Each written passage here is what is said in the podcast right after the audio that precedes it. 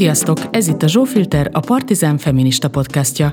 Én Balogh Zsófi vagyok, a mai adásban pedig a nőkereskedelemről lesz szó, és ezúttal volt szerencsém egyenesen három szakemberrel is beszélgetni, akik különböző területekről érkeznek, mégis hasonló szemlélettel állnak a problémához. November 11-én a Magyar Női Érdekérvényesítő Szövetség konferenciát szervez az úgynevezett egyenlőség más néven svéd vagy skandináv modellről,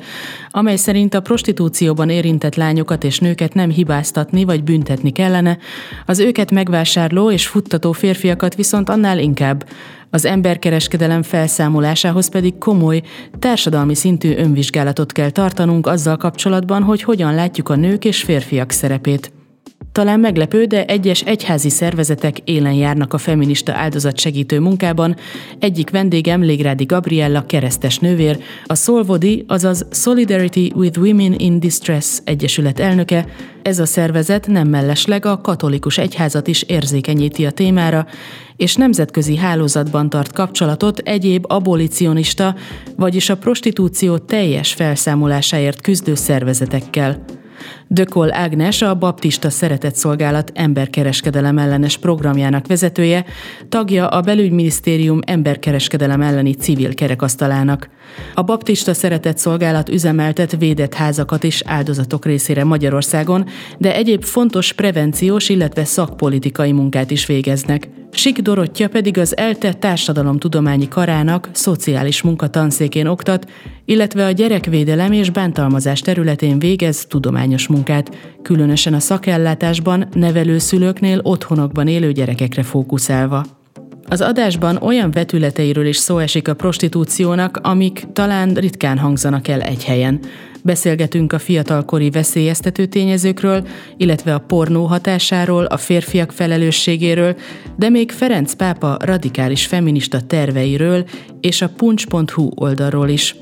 És tippeljetek, hány éve számít Magyarországon automatikusan emberkereskedelem áldozatnak egy 18 év alatti személy? Ez is kiderül a következő órában.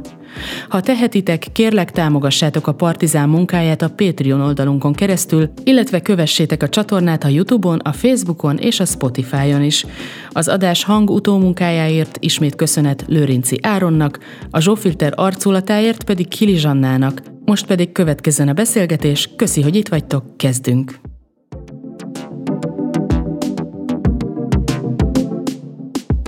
Igazából a apropója ennek az adásnak ez a november 11-i konferencia, aminek a címe Konferencia a szexuális kizsákmányolás és emberkereskedelem. Na, még egyszer. Konferencia a szexuális kizsákmányolás és emberkereskedelem felszámolásáért. Ennek a konferenciának a résztvevői is vagytok egy panelbeszélgetésben. Az emberkereskedelem témáján belül konkrétan a nőkereskedelemről szeretnék veletek ma beszélni, és kérdezni tőletek arról, menjünk szerintem sorban, mondjuk Gabriella nővért kérdezem, hogy ezzel a témával kapcsolatban milyen területen dolgozol, hol találkoztál ezzel először, mióta csinálod? Először 2001-ben hallottam igazából róla, 2002-ben, hogy ilyesmi létezik, hogy, hogy nőkereskedelem, és ez teljesen megütött. Ráadásul én akkor külföldön voltam, pont szerzetesi képzésben, és a mi káptalanunk, ez a káptalant ezt úgy kell elképzelni, mint egy ilyen parlamenti ülés, tehát a nővérek a világtájára összejönnek, és akkor ott megbeszélik a, a rendnek az ügyes bajos dolgait, és hogy az indiai nővérek részéről volt ilyen jelzés, hogy Indiában a nőket így eladják, meg meg a kislányokat eladják, meg, meg a szerveket eladják, meg mindenféléket, és ez nekem olyan teljesen idegenül hatott 2002-ben Európában, tehát furcsa volt. Utána mm, közben egyszer több évre hazajöttem már, és 2007-ben kaptam megint egy ilyen szolgálati területet, hogy Svájcban egy védett házban úgy volt, hogy Haus für Frauen im Not, tehát szükségben lévő nőknek a háza Magyarul ezt mi védett házzal szoktuk fordítani. És hát én itt találkoztam igazából így, face-to-face ilyen emberekkel, akik konkrétan Ázsiából idehozták, megvették,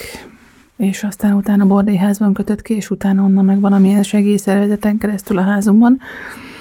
És aztán megint eltelt egy csomó idő, és 2014-ben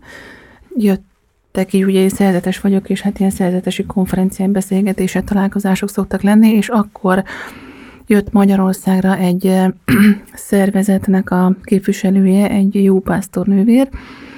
aki arról beszélt, hogy hát Nyugat-Európában a szerzetesek, meg világszerte a szerzetesek mennyi mindent tesznek ezen a területen, és hol szolgálnak, meg hol nem. És hát, hogy Magyarországon hol vannak a szerzetesek. és akkor mi hm, Magyarországon ilyen, meg hogy emberkereskedelem, meg egyáltalán, tehát ilyen furcsa volt az egész. Akkor úgy bennem az összes ilyen élmény, amit ott 2007-ben megéltem a házba, így, így uh, visszajött, és akkor ez van, ez itt is van, és akkor még tovább, tehát, és akkor ott bennem valahol megfogalmazódott egy olyan, olyan hogy hm, e, akkor, akkor, akkor ezzel valamit kéne, tehát valamit csináljunk, és akkor így kezdtünk el igazából néhányan e, első körbe szerzetesek, és néhány hozzánk kapcsolódó barát hm, ezzel foglalkozni, és e,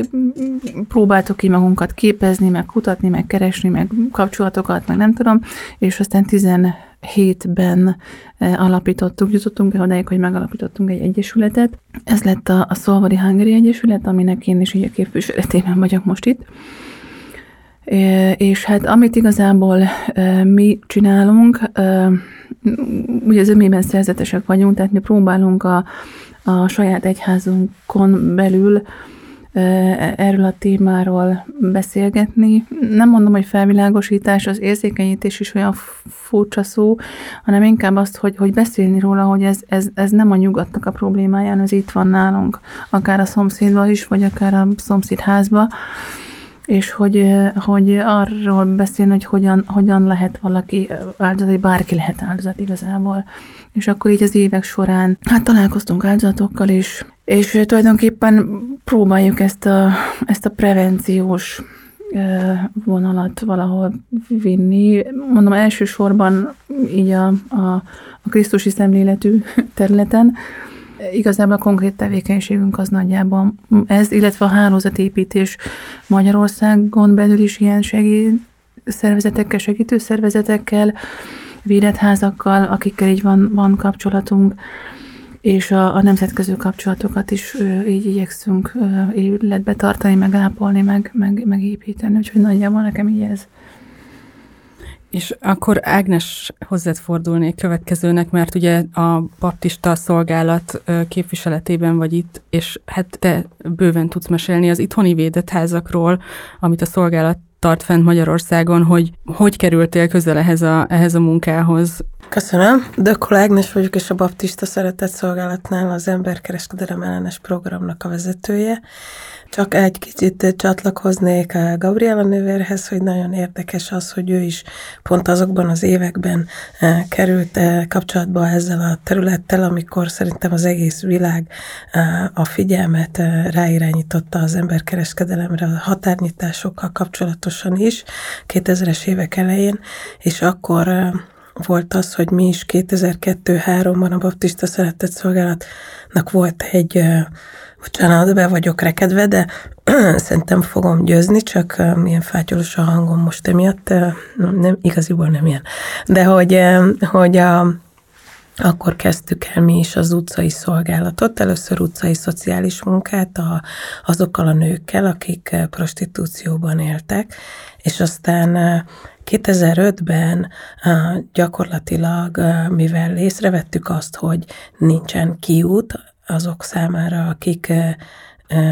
kényszerítve vannak, ha, vagy ha meg sem mondták, hogy kényszerítve vannak, de szeretnétek volna ebből kijönni,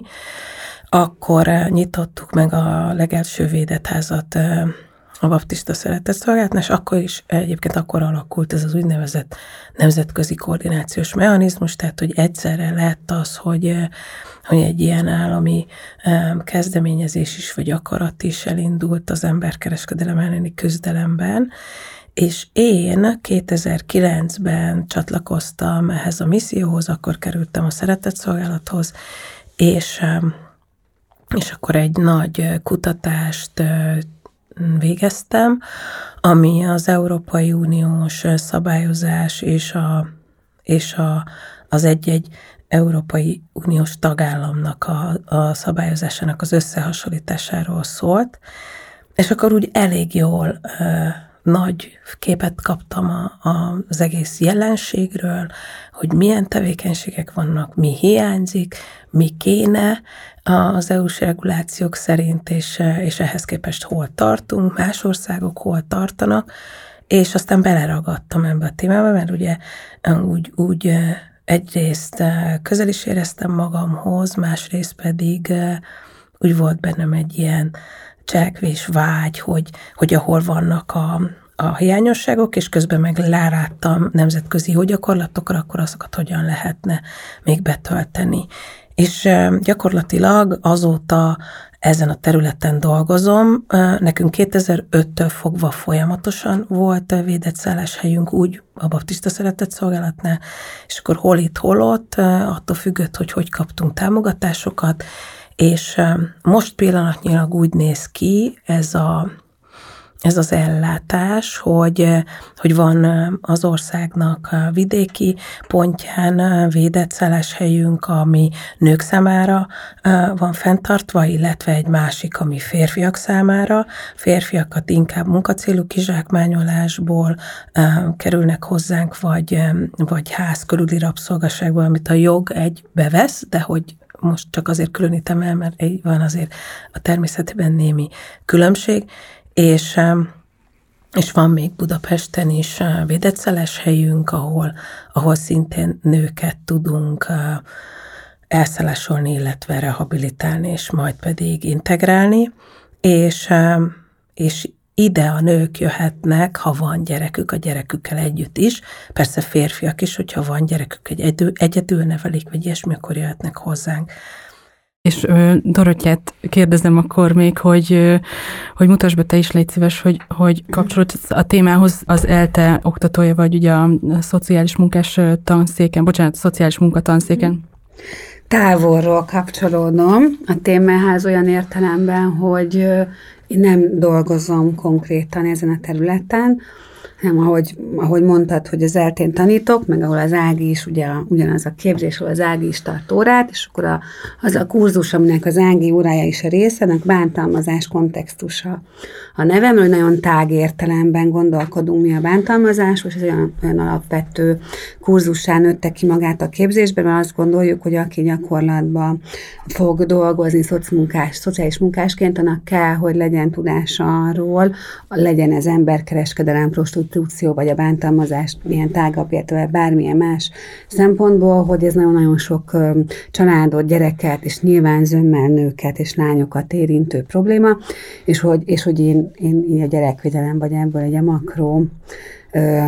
igen, szintről tudok így hozzászólni, nyilván kevésbé a gyakorlatból. Már ez is szerintem baromi fontos, hogy az oktatásban ez hogy jelenik meg, mert nyilván itt kezdődik így az a társadalmi tudatformálódás is, amire ugye vágynánk ahhoz, hogy, hogy változás legyen a gyakorlatban, és hogy említetted, hogy hogy most van másodszor olyan fél év az eltén, hogy, hogy kifejezetten emberkereskedelemmel kapcsolatos tantárgyat ö, ö, oktattok.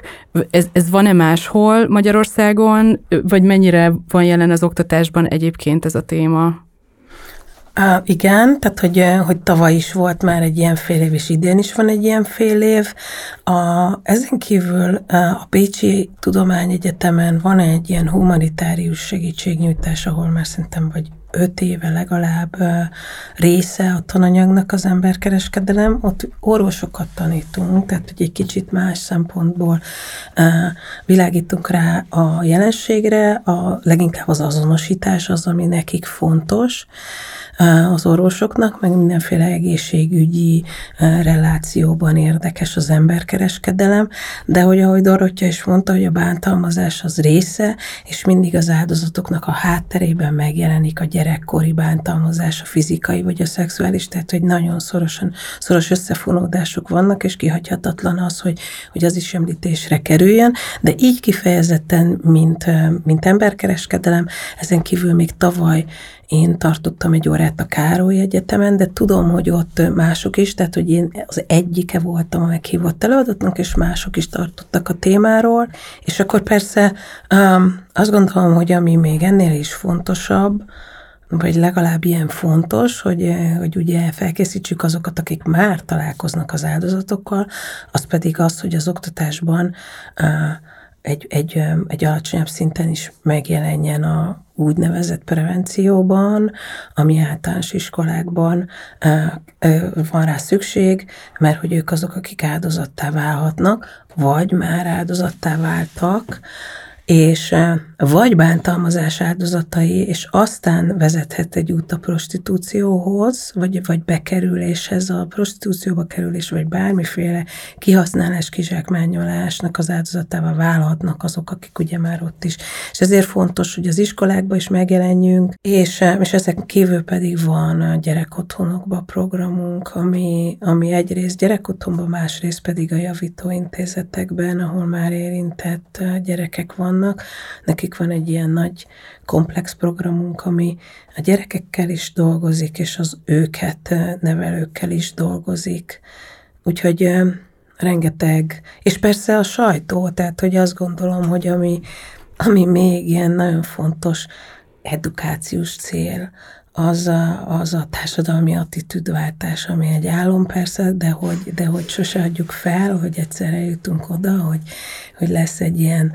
kevésbé áldozathibáztató társadalom Magyarországból, meg, meg sok másik ország is hasonlít ehhez az attitűdhöz, mint amilyen a magyar,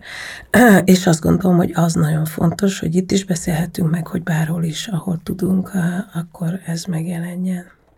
Áldozattá válással kapcsolatban, Gabriel Nővér, ha mesélnél arról, hogy akikkel ti kapcsolatba kerültök érintettek, áldozatok, milyen korú lányokról beszélünk, akik jellemzően a látott teretekbe kerülnek, milyen háttérből, tehát kik azok a, a kiszolgáltatott csoportok, hogy kell ezt elképzelni? Hát ez elég, elég különböző. Igazából nekünk olyan nagyon számottevően sok esetünk nincsen ilyen, hogyha azt mondom, hogy évi, évi egy-kettő eset, akikkel így konkrétan találkozunk, és a mi szerepünk az ebben igazából ilyen közvetítő szerep, mert ugye mi nem védett házat működtetünk, hanem a, a kapcsolati hálóunkon keresztül tudunk segíteni, és tudjuk tovább juttatni a, a hozzánk érkező vagy befutó kéréseket. Nekem a legfiatalabb, akivel így beszélgettem, és aki, akivel azóta is tartom a kapcsolatot, és hál' nem került aztán mégis bele ebbe a dologba, de, de, de hajszálon múlott, ő 15 éves volt. És hát a legidősebb, aki, aki szintén így az Egyesületünkkel kapcsolatba került, ő, tehát a mi tapasztalatunkban, ő pedig, ő pedig éppen 50 volt. Tehát a, a paletta az igazából teljesen széles, és ez, ez, ez bizonyítja azt is, hogy tényleg bárkiből lehet áldozat. És az, hogy a, a társadalmi besorolásuk, vagy, a, vagy egyáltalán a helyzetük, ez a legkisebb, ez a legfiatalabb, ez nyilván egy ilyen érzelmileg kiszolgáltatott, egy ilyen, ilyen zűrös családi háttérből származó valaki volt. A legidősebb, most csak ezt a két sarkítottat mondom, a, e, e, akit említek, ő pedig egy abszolút jó szituált, egy nagyon magasan kvalifikált, és, és tényleg egy jó állással, jó végzettséggel, önálló egzisztenciával, és hát mégis mert ugye hát a nők mire vágynak arra, hogy elfogadják, szeressék, és figyeljenek, figyeljenek rá, igen, figyeljenek rájuk, úgyhogy, és ahol, ahol ez sérül, mm. ott, ott valahol meg kell találni a, a kapaszkodót. Említetted a nevelő otthonokat az előbb, Ágnes, és nagyon érdekelne Dorottyától is, hogy hogy hogy néz ez ki, amikor arról beszélünk, hogy ki vannak szolgáltatva. Nyilván, aki ö, ö, fiatalkorúként, gyerekként egy nevelő otthonban van, annak már, már nem olyanak az indulási esélyei, meg a, meg a kiszolgáltatottság mértéke egy ilyen helyzetben, hogy hogy, hogy kerülnek ö, kizsákmányolásra a lányok egy ilyen helyen, hogy hogy fordulhat ez elő? Te, te, tenném fel a kérdést egy olyan, ha, ha úgy tennék, mintha nem ismerném ezt az országot, de hogy, hogy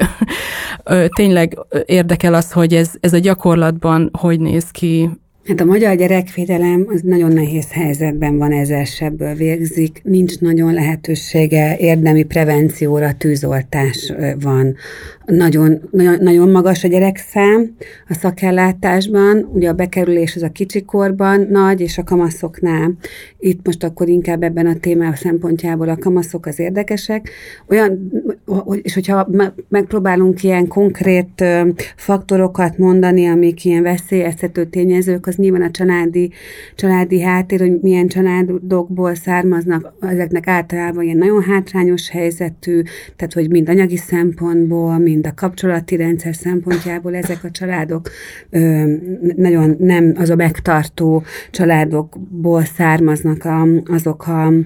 zömmel nyilván lányok, akik érintetté válnak a prostitualizálódásban, nagyon nagyok a területi különbségek Magyarországon, nagyon nem mindegy, hogy Magyarországon belül hol, hol is vagyunk, tehát egészen mások egy gyereknek az esélye egy városban, mint egy kis településen, Nyugat-Magyarországon vagy Kelet-Magyarországon. Tehát az általában így a, a gyerek, gyerekek helyzetére vonatkozó ilyen megfogható, vagy szociológiai szempontból megfogható faktorok, azok itt is igazak lesznek, és a szakellátás, a bekerülő ö, ö, fiatalok meg nagyon-nagyon sok problémával küzdenek, nem nagyon tudnak ebben segítséget kapni, tehát hogy nagyon sokszor úgy magukra vannak hagyva, és ezekben a helyzetekben nagyon könnyű a, a, így a kapcsolódási vágy az, ami, ami mozgatja őket, és ez nagyon gyakran sodorja őket olyan veszélyes helyzetekbe, aminek a vége, a végállomása az maga a prostitúció. Tehát nekünk volt egy kutatásunk, ami nem ezt a témát vizsgálta konkrétan, hanem a szökés kérdését, a szakellátásból való szökésnek a kérdését, kérdését, és azt lehetett látni, hogy a, a lányok vagy hazaszoknák, a fiúknál kicsit más volt a mintázat, de a lányok azok vagy hazaszoknak a saját családjukhoz, vagy pedig valami olyan, olyan kapcsolatba, ami, ami, ami, amiben ők úgy érezték, hogy megtalálják a, a, a szerelmet vagy kapcsolódást, és ez nagyon gyakran egy rizikója annak, hogy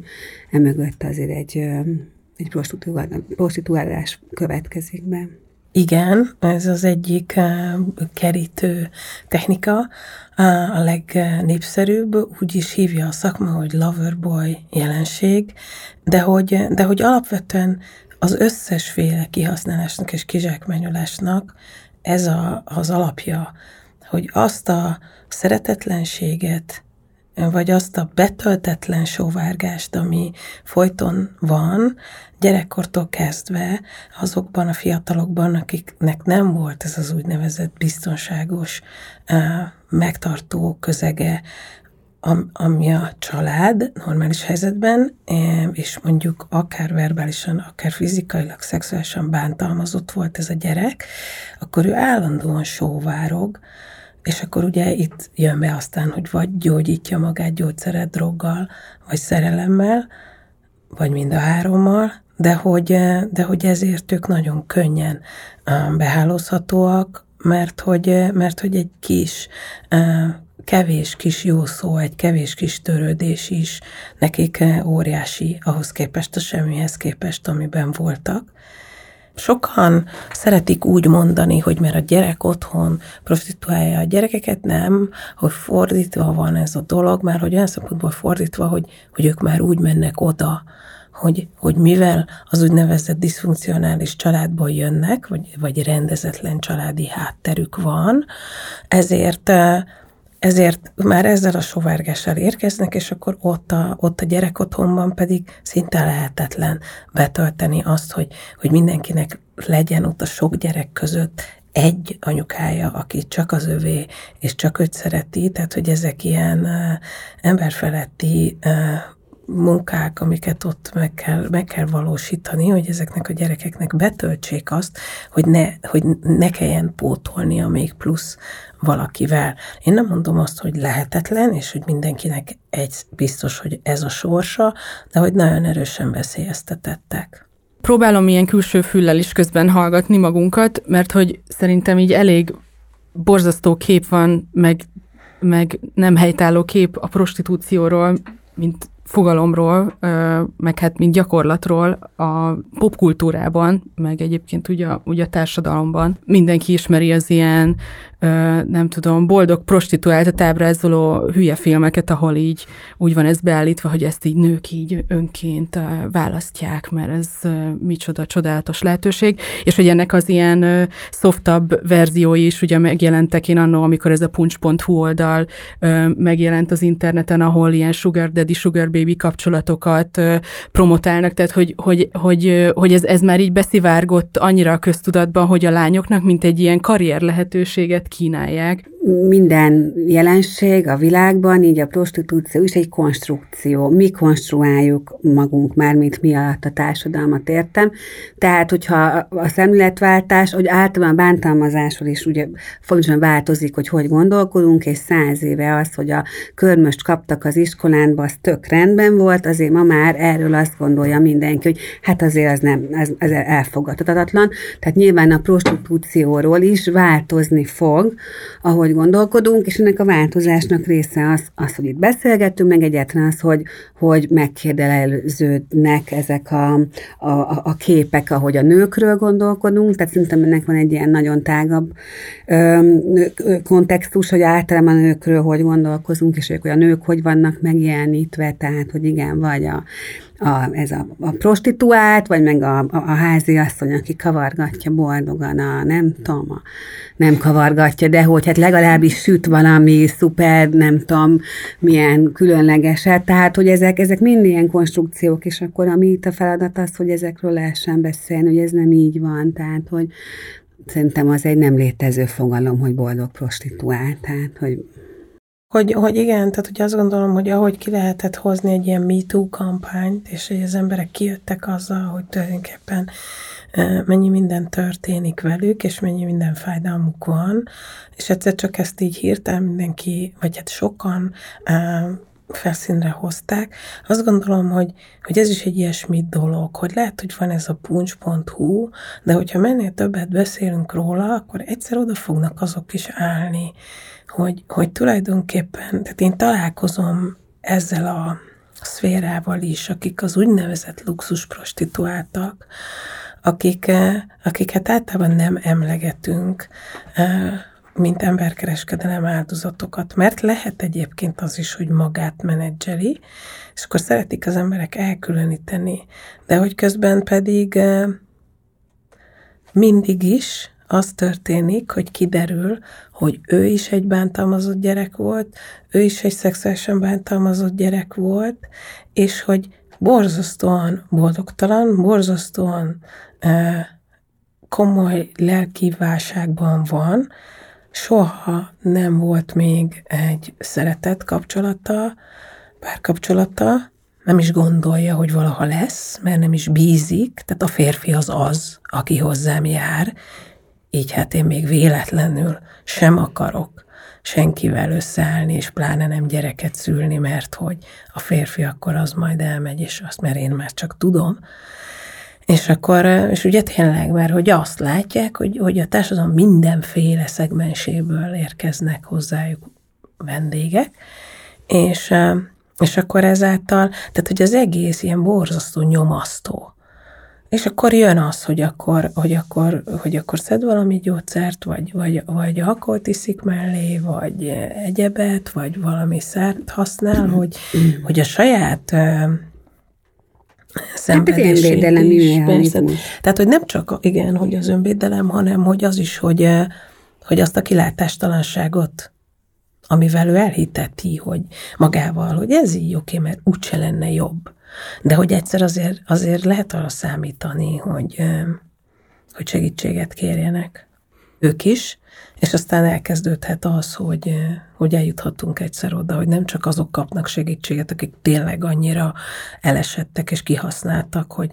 hogy tulajdonképpen könnyebben segítünk nekik, mint azoknak, akik akár középosztályból jönnek, vagy egyéb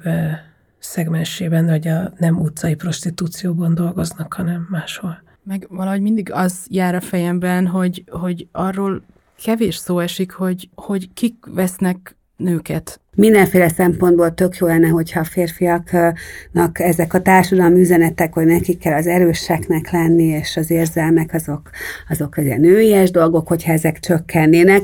és akkor itt ez egy sok, ilyen sokkal, sokkal szélesebb értelmű társadalomformálás,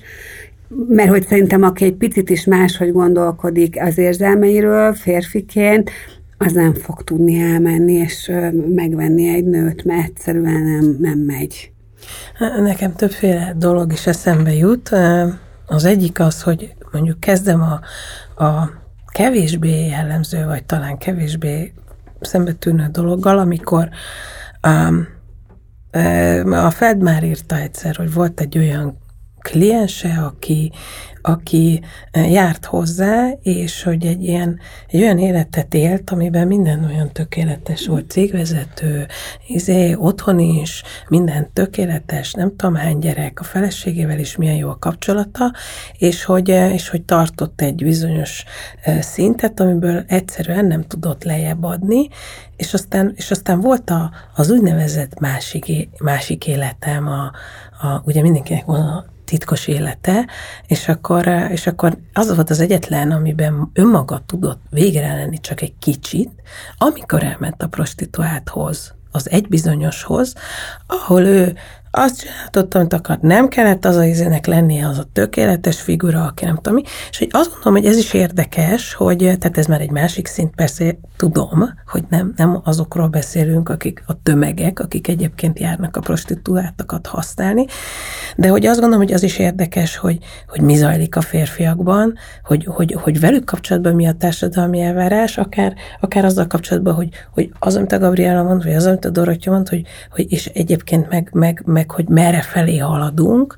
hogy mik a, mik a szerepelvárások, és az, azoknak mennyire akarnak egyébként megfelelni, hogy hány, hogy, hogy, hogy mennyire tartunk már ott, hogy mennyire fontos az önismeret, hogy mennyire tudnak az emberek a kapcsolatokban őszinték lenni, valóban azok lenni, akik, és akkor eljut-e oda, hogy nincs szüksége ezekre a, az állatsz levevős helyekre, ahol elmehetek, és akkor azt csinálok, amit akarok, mert nem fog a prostituált nekem semmit mondani, mert ott izé azt csinálja, amit én akarok. És ebben persze benne van a dominancia is, hogy még otthon nem lehetek domináns, mert ugye most van ez a csomó ilyen szerepváltozás, hogy a nő, aki többet keres, meg ezek a problémák, hogy most akkor izé, hogy van, de hogy, de hogy alapvetően azt gondolom, hogy, hogy rengeteg ilyen fejlődésen megyünk keresztül, hogy, hogy a párkapcsolatokban milyen a kommunikáció az embereknek, milyen az önismerete, merre fejlődnek, és akkor ugye, meg, és akkor ugye elhagyom azt a részt, ami az általánosságban a jellemző, hogy, hogy a gyerekek tíz évesen pornót néznek,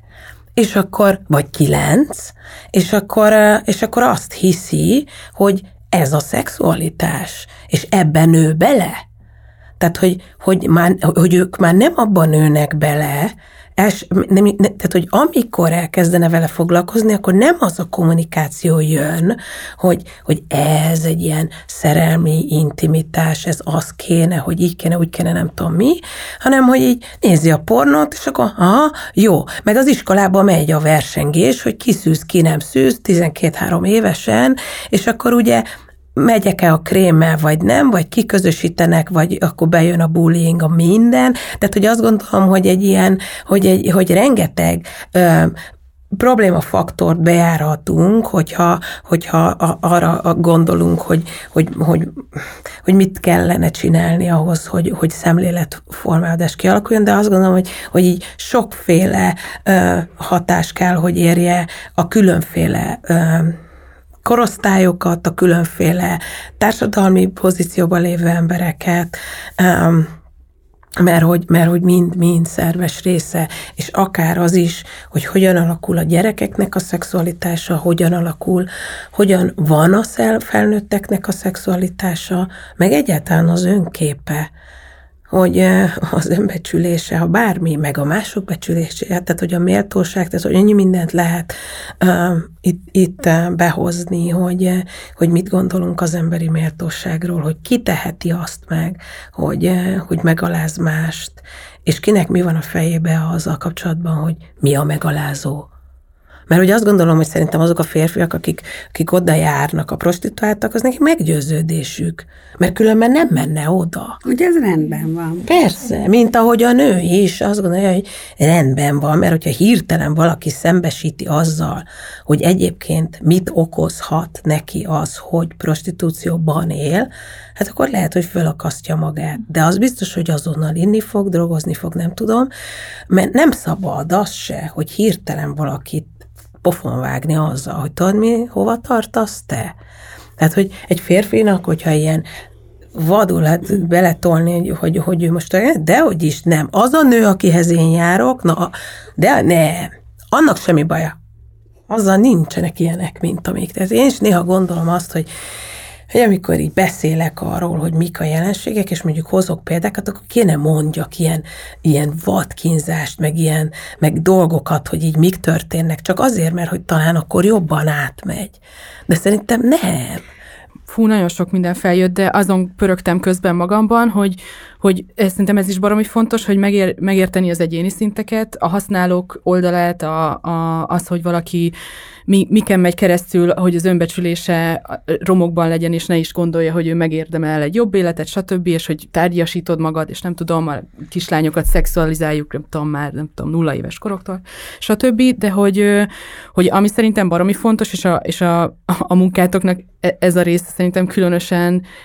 ugye hasznos, meg, meg kell, hogy nagyobb nyilvánosságot kapjon, hogy ez egy ipar is. Tehát, hogy ez a, a prostitúciós ipar, ez nem csak az, hogy így ö, e, emberek, nem tudom, ahogy így el szokták képzelni, hogy jaj, a férfinak rossz a házassága, és akkor elmegy a prostituál. Nem, tehát, hogy itt ilyen nagyon komoly szervezett hálózatok futtatják a lányokat belföldön és külföldön, és, és erről, ha tudnátok még mesélni, hogy ennek a, a, a, a szexipar részéről, meg milyen hozzáállás az, amit erről szeretnétek, hogy a hallgatók tudjanak? Talán sokak számára ismert, hogy ugye a szexipar az, az hasonlóan sok pénzt forgat, mint a fegyverkereskedelem, vagy mint a, mint a drog,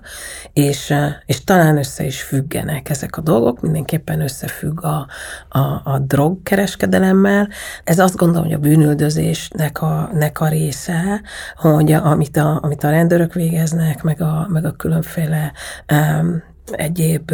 hivatali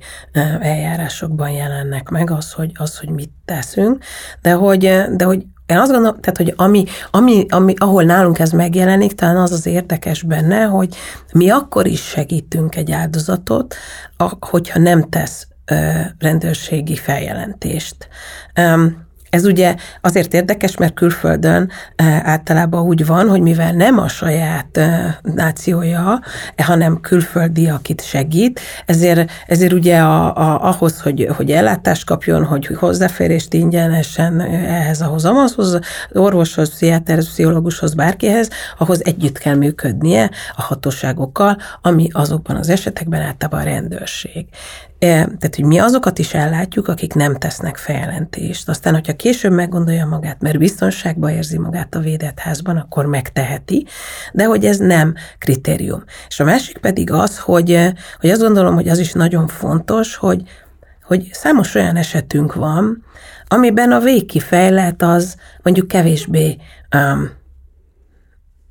elégtétel mint, mint amire mondjuk számítana az ember, hogy, hogy úgy fejezem ki magam, csekély a, a, a, a végén az ítélet, vagy a, vagy a börtönbüntetés éveinek száma, de hogy nem baj, mert hogy mi akivel dolgozunk, és hogyha azt látjuk, hogy ő jól van, és hogy ő előre megy, és nem esett vissza, és tanul, és, és, és szépen halad az élete, akkor mi nyertünk. Tehát az már nekem mindegy, hogy egyébként kapott-e büntetést az a másik ember, hanem, hanem akkor azzal foglalkozunk, hogy, hogy az, akikkel, akiket mi segítünk, ők jól legyenek és menjenek előre. Nagyon nehéz anélkül kilépni ezekből a helyzetekből, hogyha, hogyha nincs odatéve egy nagyon komoly, komplex szolgáltatási paletta, mert tanul, tehát, hogy tanulni kell, egészségügyi háttér kell, azért anyagi háttér kell, tehát, hogy átmenetileg nyilván szükség lesz, ehhez anyagi lakhatás kell, szóval, hogy ez egy nagyon komplex szolgáltatás, amire itt szükség lenne ahhoz, hogy, hogy valós segítséget kapjanak érdemben sokan, tehát hogy annak arányában, amilyen mértékben ez érinti a, a Magyarországon élő, nem tudom, prostituáltakat. Talán csak, csak annyi, hogy, hogy hogy gondolkodik a szervezetünk, vagy bármelyikünk arról, hogy, hogy a bűncselekmény részével hogy vagyunk, az, azért azt, azt elmondhatjuk, hogy, hogy, hogy mindannyian arra törekszünk, ugye, akár publikációval, akár gyakorlati tevékenységgel, akár preventív tevékenységgel, hogy, hogy, a, hogy presszionáljuk a, a döntéshozókat abban, hogy figyeljenek erre a jelenségre, és hogy a jogszabályokat azt ahhoz képest módosítsák, igazítsák, hogy mire van szükség, mint ahogy van is erre fórum, emberkereskedem kerekasztal akár a, a, a felelős szerveknél, ahol kifejezhetjük a, a, az irányokat, a, a véleményünket, a, a, a betöltendő lyukakat, a hiányosságokat, és azt gondolom, hogy, hogy, hogy, hogy, hogy rengeteget változott. A, a, a, tehát egyrészt volt új büntető törvénykönyv is 2012-ben emelik a különféle az évek számát, a büntetéseket, egyáltalán az, a hogy... Az, számára? Vagy, ö, bocs, hogy belekérdezek, csak ö, erre ki Az emberkereskedők. Aha. És akkor ö, az is egyáltalán, hogy megjelent az, hogy kizsákmányolás, hogy már nem az adásvételre kellett koncentrálni, tehát azért annak is már tíz éve, hogy 12-ben, amikor volt az új büntető törvénykönyv, és hogy és hogy két éve meg a, meg a gyerekekkel kapcsolatban történt egy nagy változás, hogy 18 év alatt most már mindenki emberkereskedelem áldozata, akit szexuális kizsákmányolás értett, hogy nincsen most már ilyen, hogy a 18 év alatti az áll az utcán prostitúcióban, és akkor kap egy, egy Csekket. Igen, csekket. Azt a izet akartam mondani, szabálysértés követ el, mert rossz helyen áll. Nem, az a gyereket azonnal onnan a rendőrség elviszi a kijelölt helyre, mert az a gyerek automatikusan 18 éves alatti az, az emberkereskedelem áldozatának számít. Hát hozzánk jöttek úgy gyerek 19 éves, hogy másfél millió tartozása volt, mert összejött ezekből az 50 ezres büntetésekből. Tehát az, az, az nem kettő, tehát egy év alatt történt, amíg ő a 18-at betöltötte. Tehát, hogy igen, hogy pont, hogy pont, hogy a világban így van, hogy a 18 év alatti az gyerek. Tehát az, hogy, hogy Magyarországon az is egy ilyen problematikus szerintem, hogy a fiatal korú, meg ezek a különféle elnevezések, tehát, hogy az EU is, meg, a, meg, meg az azért az Egyesült Államok és Amerikában úgy gondolkodnak, hogy 18 év alatt az gyerek. Punktum. Nincsenek ilyen izék, ilyen árnyalatni különbségek, hogy akkor 12-től 14-ig, meg 18-ig, akkor az meg ilyen. tanulni az... csak igen. 16 éves igen, korig igen, kell, igen, tehát igen. hogy ez tényleg nem igen, igen. könnyíti meg. Vagy igen, hogy azt gondolom, hogy az is nagyon fontos, hogy a gyerekeket, hogyha nem tartjuk bent az oktatásban, és nem kötelező neki maradni az oktatásban, akkor az amúgy is kilátástalan helyzete a zsákfalvakban, meg a gettókban, meg az ilyen senki földjén, ahonnan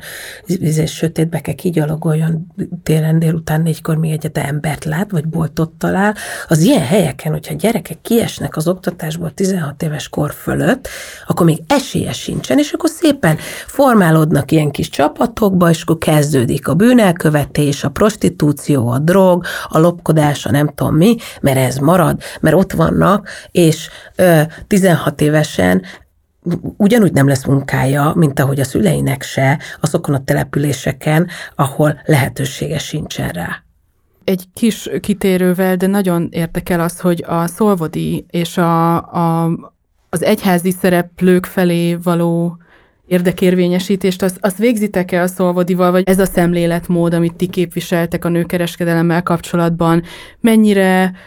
vevők rá, azt tudom, hogy Ferenc pápa például egészen kemény vonalas feminista hozzászólásokat ad ki az emberkereskedelmek kapcsolatban, szóval hogy szerintem ez, ez is barom érdekes, erről keveset tudunk. Igen, először, amikor, amikor mi is elindultunk, és elkezdtük ugye 14-ben itthon Magyarországon ezt, akkor akkor nyilván mi is ezzel találkoztunk, meg zárt ajtókat, meg, meg, meg e, ez kényes téma, ez, ez nem, meg előítéletes, meg, meg mindenféle.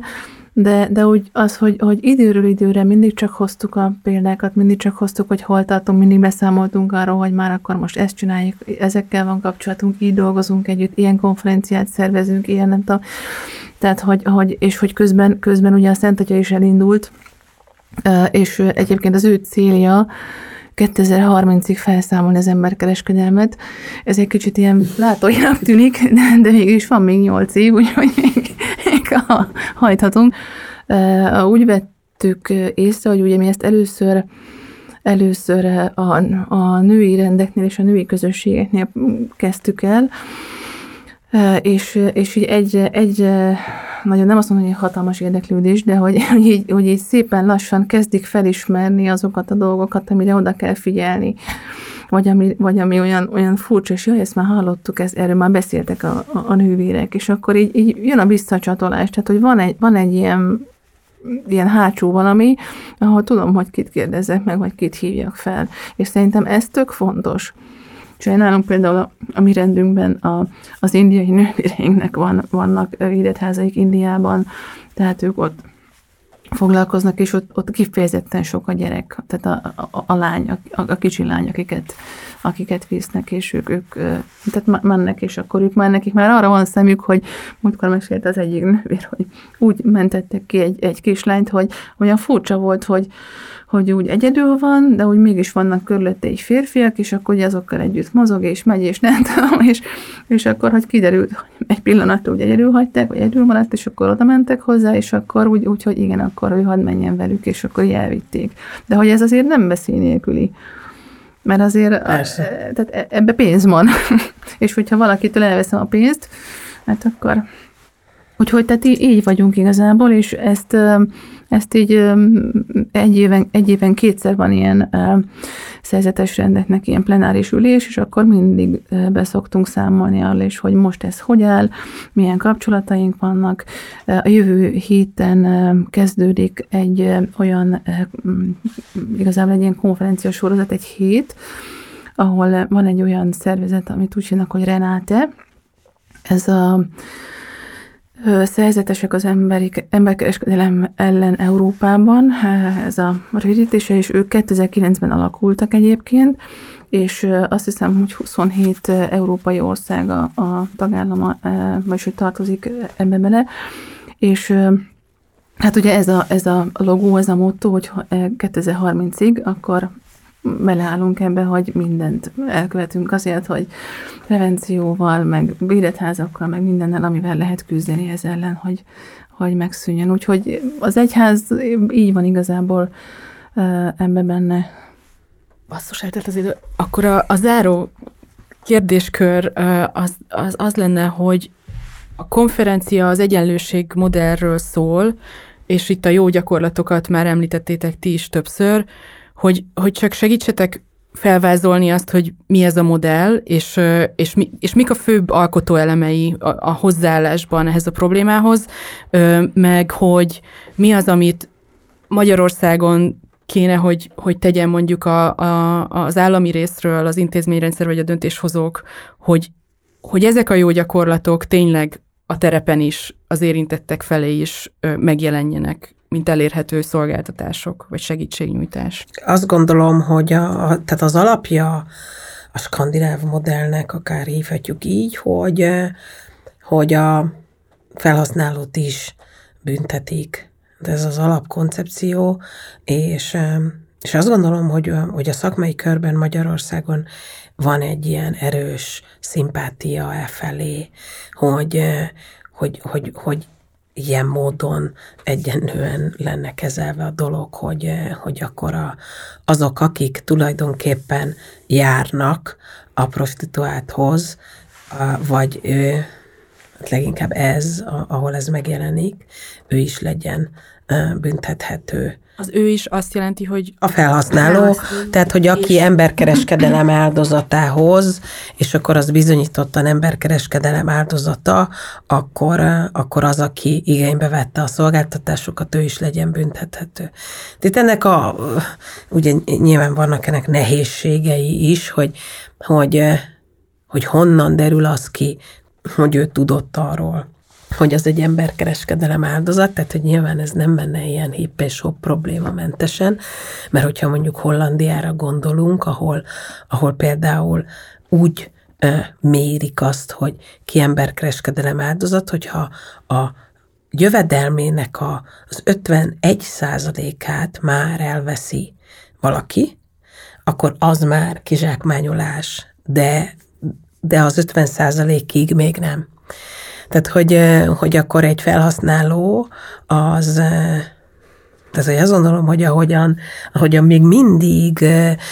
az ügyvédeknek a kedvenc eszköze az, hogy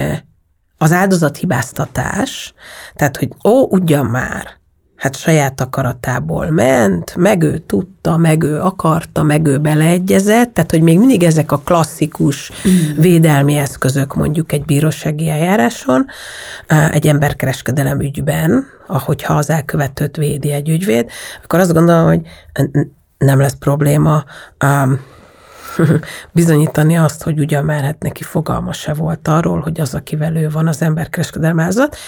kivéve, tehát hogy ez attól függ, hogy, hogy Magyarországon milyen reguláció uh, mellett, mentén fog ez, vagy tudna ez megvalósulni, de hogy alapvetően igen, tehát hogy nyilván, nyilván az, hogy a, a felelősség az a, az a másik oldalon is legyen számon kérve, vagy a felhasználói oldalról, uh, meg egyáltalán ennek a kommunikálása szerintem az is fontos. Meg azért azt mutatják az adatok, hogy ahol a felhasználókat is, vagy a felhasználókat büntetik, ott azért csökken. Nem az, hogy börtönbüntetés lehet, ez egy szabálysértés is, de hát azért ennek akkor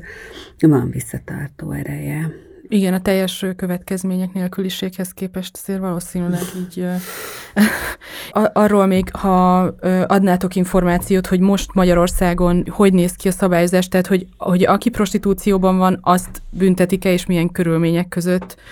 Úgy tudom, hogy a futtatást büntetik elsősorban, de nem tudom, hogy ugye mondtad ezeket a bírságokat, amiket két évvel ezelőttig még 18 éves kor alatt is kaptak a prostituáltak, de hogy most így mi a helyzet? Um, igen, tehát, hogy türelmi zónák vannak, mert hogy alapvetően a prostitúció illegális uh-huh. Magyarországon, és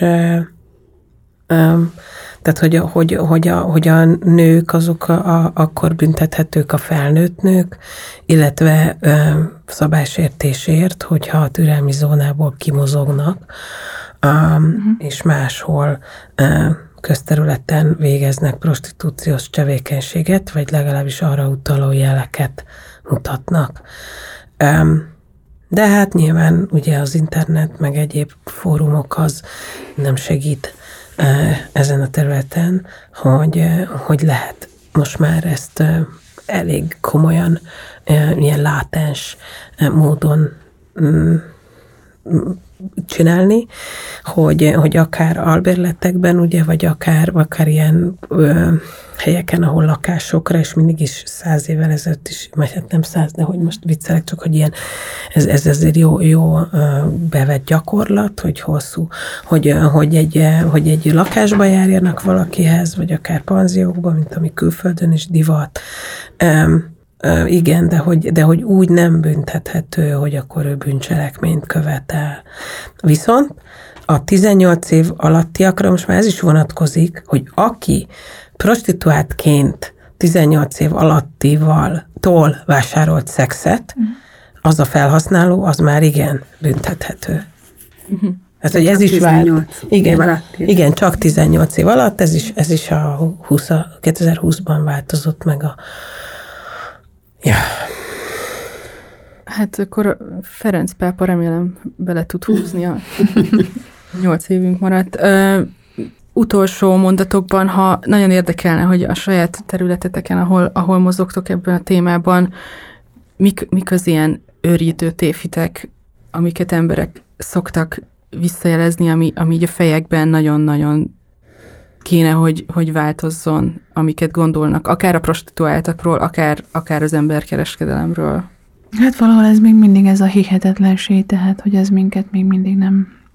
nem annyira érint szerintem, vagy nem tudnak vele mit kezdeni, vagy ijesztő, és akkor elfordítjuk a fejünket talán. Hogy ez Ez így máshol történik? Nem, igen, nem, nem itt, igen, ahol igen, am, igen, amíg nincs ilyen kézzel fogható tapasztalatom, addig nem hiszem el. Hát a földrengés is máshol hull, milyen szörnyű, de hát mm, Hát meg, hogy akivel megtörténik, az biztos igazából élvezi, Igen. de dehogy is kényszerítették, hanem egész életében erre vágyott, hogy ezt csinálhassa, hát ezek a legőrítőbbek, nem? De Igen, meg amikor, meg amikor abszolút az ilyen középosztálybeli, tehát hogy ilyen orvosok úgy, úgy nyilatkoznak, hogy ja, igen, én itt egész nap kidolgozom a belemet, ő meg szétteszi a lábát, és mennyi pénzt keres. Ja, tehát, hogy, hogy ez egyébként úgy, hogy, tehát, hogy ez nem csak úgy a levegőből hallottam, hanem csináltunk erre ilyen kérdéssort, hogy Ez nem is munka, mi abban fárasztó. igen, igen, sőt, Sőt, igen, igen. Nekem, ami így akárhányszor meghallom, ordítani akarok, ez a legősibb mesterség Igen, című igen, ez is nagyon jó. Hogy ez így mindig volt, mindig lesz. mindig Igen. lesz, és hát igazából hát a férfiaknak ez egy ilyen igényük, amit így ki kell, és hát hol máshol, hát valakinek ezt így ki kell, és, hogy, és hát vannak nők, akik ezt így szívesen ki, és még pénzt is keresnek, és ettől így, na jó, értitek. Azért megkérdezném, hogy ki az, akinek ez egy álomfoglalkozás. Szóval akinek ez így célja lenne, hogy akkor én ez leszek, hogyha nagy leszek. Igen, és, és azt hiszem még az is, amit ugye csak, csak futólag érintettük az online formáit ennek, ugye, de hogy, hogy még valószínűleg a fejekben még mindig az él, hogy így, és az is még mindig van, persze, hogy bemész egy bordélyházba valahol, ahol ezek léteznek, meg nem tudom, vagy a türelmi zónát, de hogy, hogy ez már tényleg, hogy, hogy már nagyon-nagyon sokféle módon zajlik, és hogy, és hogy nagyon sokszor láthatatlan marad, mert hogy a, a, a szobádban történik, és elég hozzá most már egy laptop vagy egy mobiltelefon, hogy Hát erre is volt egy nagyon jó film, az a, a nem emlékszem, mi volt a címe, nem régiben amit volt a ez. csináltak? Tessék? A csehek csináltak? Igen, hogyha te emlékszel a... Címére. De hogy, de hogy, de hogy az volt a lényeg, hogy, hogy színészek e, e, ilyen videót telefonáltak, és akkor, és akkor, amikor megismerkedtek egy férfivel, fiatal lányoknak maszkírozott idősebb színésznők, akkor, e, akkor mindig elhangzott az a kérdés, hogy, hogy, hogy, hogy nem baj, hogy még csak 12 vagyok. És akkor mindig volt, hogy á, nem. Oké. Okay. És hogy, és hogy ezt tíz nap alatt valami 450 plusz emberrel ö, próbálták ki, és hogy, és hogy komoly lelki gondozásra volt szüksége azoknak a színésznőknek, akik szembesültek ezzel, hogy, hogy ez a, ez a kis kandikamerás ö, dolog, ez, ez, ez így mennyire meg tudja viselni az embert, hogy a valóságban megtapasztalja. Bocs, hogy egy ilyen személyes anekdotával zárom, csak amikor a puncs.hu megjelent itt Magyarországon, akkor én ezt nem tudom milyen indítatásból, de egyszerűen érdekelt, hogy ez, ez milyen belülről, és csináltam egy profilt pontosan ilyen célból, hogy így mi történik akkor, hogyha csak egy, mindegy, egy fiatalabb kori képet raktam ki magamról, ami nem volt annyira felismerhető, tök mindegy, és akkor csak, lá, csak annyi látszott, hogy mondjuk egy fiatal nő, és aztán, aztán így el, és akkor egy csomóan rám írogattak, én nem kerestem sen, senkit, és két hétig voltam ezen az oldalon, és valami, nem tudom, 60 plusz férfi lépett velem kapcsolatba, és, és egyre amikor kérdezték, hogy hány éves, vagy ez így szóba jött, akkor egyre, ke- egyre kevesebb számot mondtam. És, és ö, egyáltalán nem zavarta a legtöbb férfi, tehát hogy, hogy tényleg, tényleg nem, és nem állt le, meg semmi, és már azt hiszem 12-nél áll- álltam meg, de hogy, hogy azért, mert én is fizikailag rosszul lettem, és, és így nagyon, tehát napokig tartottam, még ezt így kievertem, mindegy, nem is nagyon értették, hogy ezt miért csinálom magammal, én sem, de hogy, hogy a, viszont ez a tapasztalás nagyon-nagyon erős reality check volt, hogy, hogy aki nekem arról akar bullshitálni, hogy jaj, akkor az, az, az, az becsületes férfiak, azok meg fognak állni, ha kiderül, hogy kiskorú, na mindegy. Szóval, hogy ennek a valósága tényleg sokkal durvább, mint amit emberek így gondolnak arról, hogy ez, ez hogy megy. Meg hogy a lányokra hogy gondolnak, akik használni akarják őket. Nem tudom, hogy kell-e vidámabban zárni ezt a műsort, de szerintem